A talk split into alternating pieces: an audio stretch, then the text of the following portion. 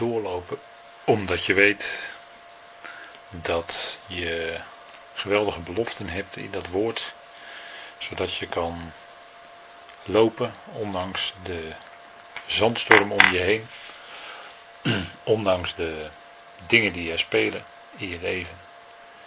Je hebt dat woord en dat woord geeft je de kracht ook om verder te kunnen. Is een, uh, blijft toch een bijzonder beeld, zo'n kameel. Nou, we gaan kijken naar de volgende, de volgende tekst die uh, Paulus naar voren brengt. Dat is, het volgende stukje tekst is uh, in vers 12, volhard in het gebed. En eigenlijk staat er in het gebed aanhoudend of vasthoudend. Het woord heeft te maken met uh, je naartoe en dan houden of vasthouden. Het gebed is iets dat uh, voor een gelovige essentieel is. Zoals onze omgang met God, onze Vader. Er is geen enkele verhindering voor ons. En het is bijzonder dat we dat gebed hebben als iets waarin we ons kunnen uiten naar Vader toe. Vanuit het Hebreeuws heeft het woordgebed ook te maken met bemiddeling. Het is iets wat zorgt voor een contact met God. En in dat gebed zouden we vasthouden. Paulus zegt ook in 1 Thessalonicense 5, bid zonder ophouden. En dat is ook uh, iets dat we kunnen doen.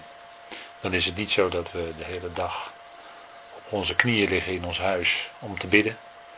Want dan komt er niks meer uit onze handen. Maar we kunnen bij wat we doen, waar we ook zijn, kunnen we toch met vader spreken tussen alle bedrijven door. En beseffen dat we zo in afhankelijkheid van hem en dat de hele dag door kunnen zijn. En dat kan soms wel eens tussendoor een heel kort gebed zijn. Maar het is toch essentieel, hè? dat vasthouden in het gebed. En dat hebben we ook zo nodig als we in verdrukking zijn. Hè? Daar hadden we het net over, als we onder druk staan. We zijn in verdrukking. We maken lijden mee. Dan is er juist dat gebed wat ons juist die verbinding met God geeft. Die verbinding met God doet ervaren. En ook een stuk verlichting. We mogen alles zeggen wat op ons hart is. Of het nu nood is, of vreugde, of dankbaarheid. We mogen alles naar God toe uitspreken. En zo deed de Heer dat ook.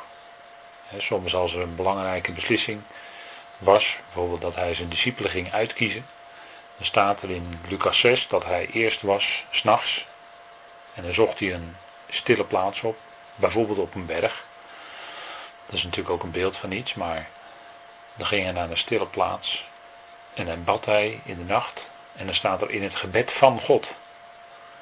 Dus het was ten diepste zo dat God hem die woorden gaf om te bidden. En dat is toch heel bijzonder, want dat is ook iets wat wij als gelovigen ervaren. Wij ervaren dat in onze zwakheid, want ja, we weten vaak niet wat wij moeten bidden naar wat moet zijn, omdat wij de toekomst niet kennen. Wij weten niet wat er in de dag van morgen gaat gebeuren. Wij weten niet waarom gebeurtenissen in ons leven plaatsvinden, waartoe dat is. En daarom zijn we zwak. Maar juist in die zwakheid staat er dan, komt die geest ons te hulp. Die geest is een geweldige helper. En die bidt en pleit voor ons met onuitgesproken verzuchtingen. Dus die geest komt voor ons op. Die bidt voor ons, die pleit voor ons. En die helpt ons zo op die bijzondere manier in onze zwakheid. Wij die maar zwakke mensen zijn. En ook vaak voelen we ons tekortschieten in ons gebed. Juist als er nood is. Wat wil God met die situatie? Wat wil God met deze situatie in mijn leven waarin ik ben? je, je weet niet welke kant het op gaat. Je hebt geen wijsheid.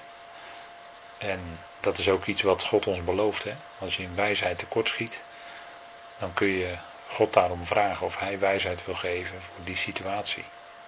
En dat is ook het gebed van Paulus natuurlijk. Dat hij bidt om de geest van wijsheid en van openbaring in de erkenning van hem. Dat staat in Efeze en dat is een bijzonder gebed.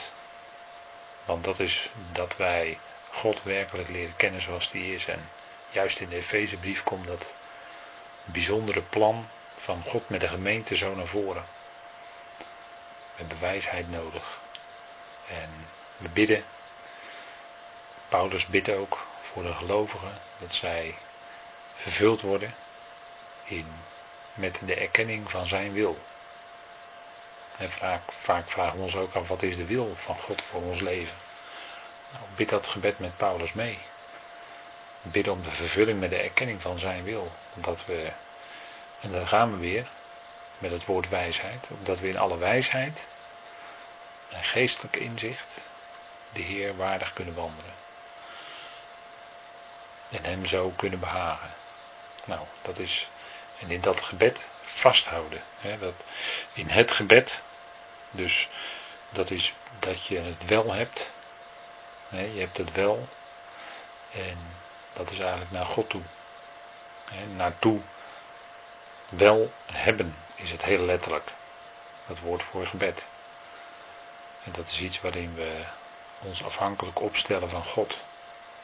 Juist als het moeilijk is, dan hebben we die geweldige mogelijkheid die we kunnen benutten elke dag. Het gebed juist in afhankelijkheid van Hem te zijn. En dan is het Hij die ons vasthoudt en draagt. En dat doet ons oog dan ook gericht zijn op de Heer. Op de Heer die zelf ons voorbeeld is, maar die nu verhoogd is.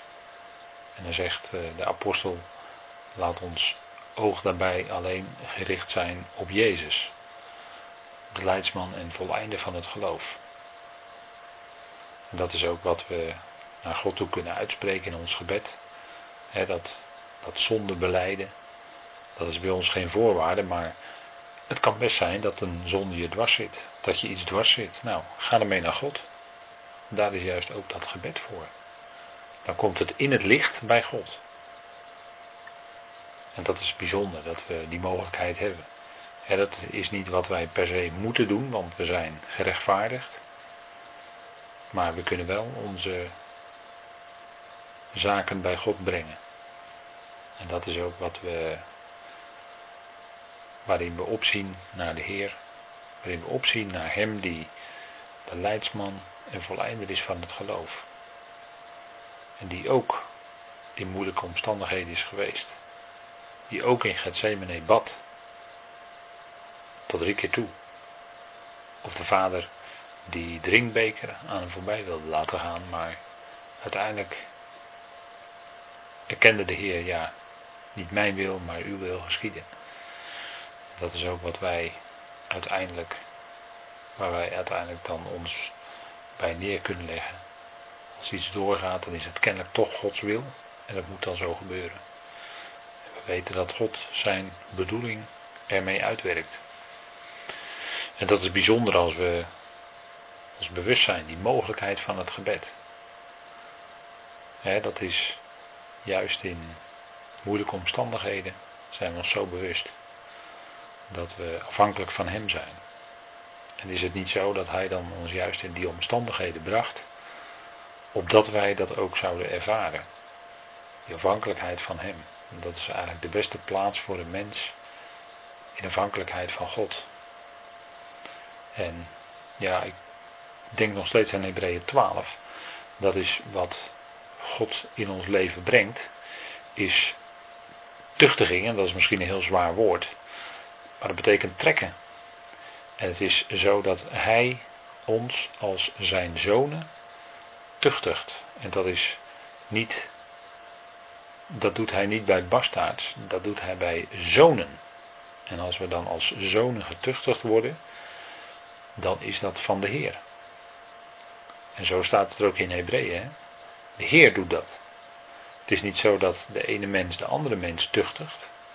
er was altijd een, een uh, kerkelijke praktijk van tuchtiging of ondertuchtstelling.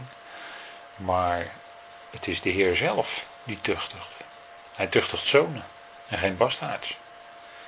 En als we dat dan ervaren, dat we in druk zijn, verdrukking, wat God kan inzetten in ons leven, dat is om ons te trekken.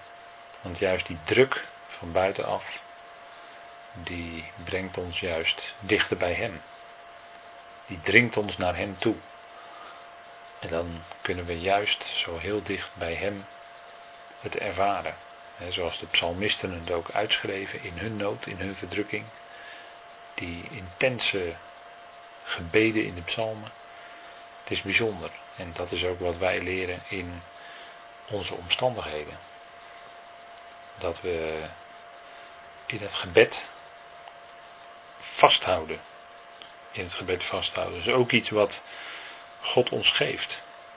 gebed is niet iets wat spontaan bij een mens ontstaat. Nee, dat is omdat God eerst die verbinding legt met ons. Hij is op ons uit. En hij wil in die relatie met ons staan.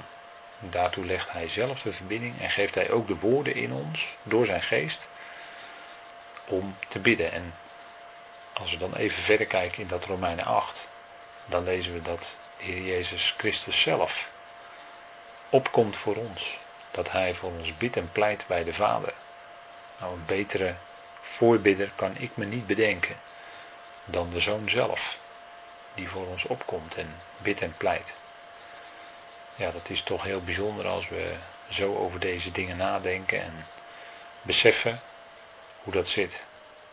En wat dat betreft zijn we heel rijk en mogen we ontzettend rijk zijn in al datgene wat we van harte mogen erkennen in ons vanuit zijn woord. Het is bijzonder dat we die mogelijkheid hebben om te bidden. En dan zegt uh, 1 Thessalonicense 5 ook daarbij, dankt in alles. En dan staat er ook bij, want dat is de wil Gods, de wil van God in Christus Jezus voor u. En dus het heeft te maken met die wil van God. Als God zijn wil in ons leven doorzet, wat Hij wil voor ons leven, dan kunnen we daarin danken. En dan kunnen we ook daarin bidden, zonder ophouden. Hè? Dat onophoudelijke gebed, wat zich aan de waarneming van anderen onttrekt, maar wat er wel is. En waar we bij kunnen leven. Leven tot eer van Hem. En zijn tot opbouw van de gemeente, tot opbouw van het lichaam van Christus. Dat zijn kostbare dingen, kostbare waarheden die we met elkaar mogen koesteren. En Paulus, ja, het zijn maar korte zinnetjes hier in uh, Romeinen 12, maar ze zijn wel enorm geladen. En ze bestrijken toch steeds een deel van ons leven. Paulus bespreekt hier toch gewoon heel ons leven. Nou, dan gaat het hier om gebed. En uh, dat, dat kunnen we op vele manieren doen, in vele vormen. En allereerst is het gewoon die zaak van de binnenkamer. Niet uh, lange gebeden uitspreken voor oren van mensen. Want dat uh, voorbeeld kennen we in de schrift. Maar het gaat om in die binnenkamer met vader spreken. En dat is heel bijzonder, die nauwe omgang met hem. God wil gebeden zijn. En dat is ook wat hij zich zal laten afsmeken. Zo staat het ook. Dat gebed inderdaad een, een essentieel onderdeel is van Gods plan. Er staat in Ezekiel 36 dat God zijn belofte zal vervullen, ja, maar hij zal het ook laten afsmeken door zijn volk. dus daarmee staat al geprofiteerd dat dat gebed, als het volk nog maar één ding kan, dat is naar boven toe, naar hem toe, bidden, dan is dat door God zo gewild. Dat, het, dat eerst dat gebed er is en dan vervult hij die belofte. Dat is uh, toch heel bijzonder, denk ik, als we die facetten beseffen. En je kunt nooit zeggen van nou, het gaat toch allemaal naar Gods plan. Ik hoef niet te bidden, nee. Paulus zegt juist in het gebed aanhouden. Juist die wetenschap dat God alle dingen in zijn hand heeft. Die dringt ons tot gebed. En die leidt ons daarin. En we ontvangen ten diepste toch die woorden van Vader. Dat is toch bijzonder. Waarin we mogen danken voor dat volbrachte werk van onze Heer Jezus Christus. We mogen danken voor zoals God het in ons leven uitwerkt en zoals Hij het ook morgen zal doen.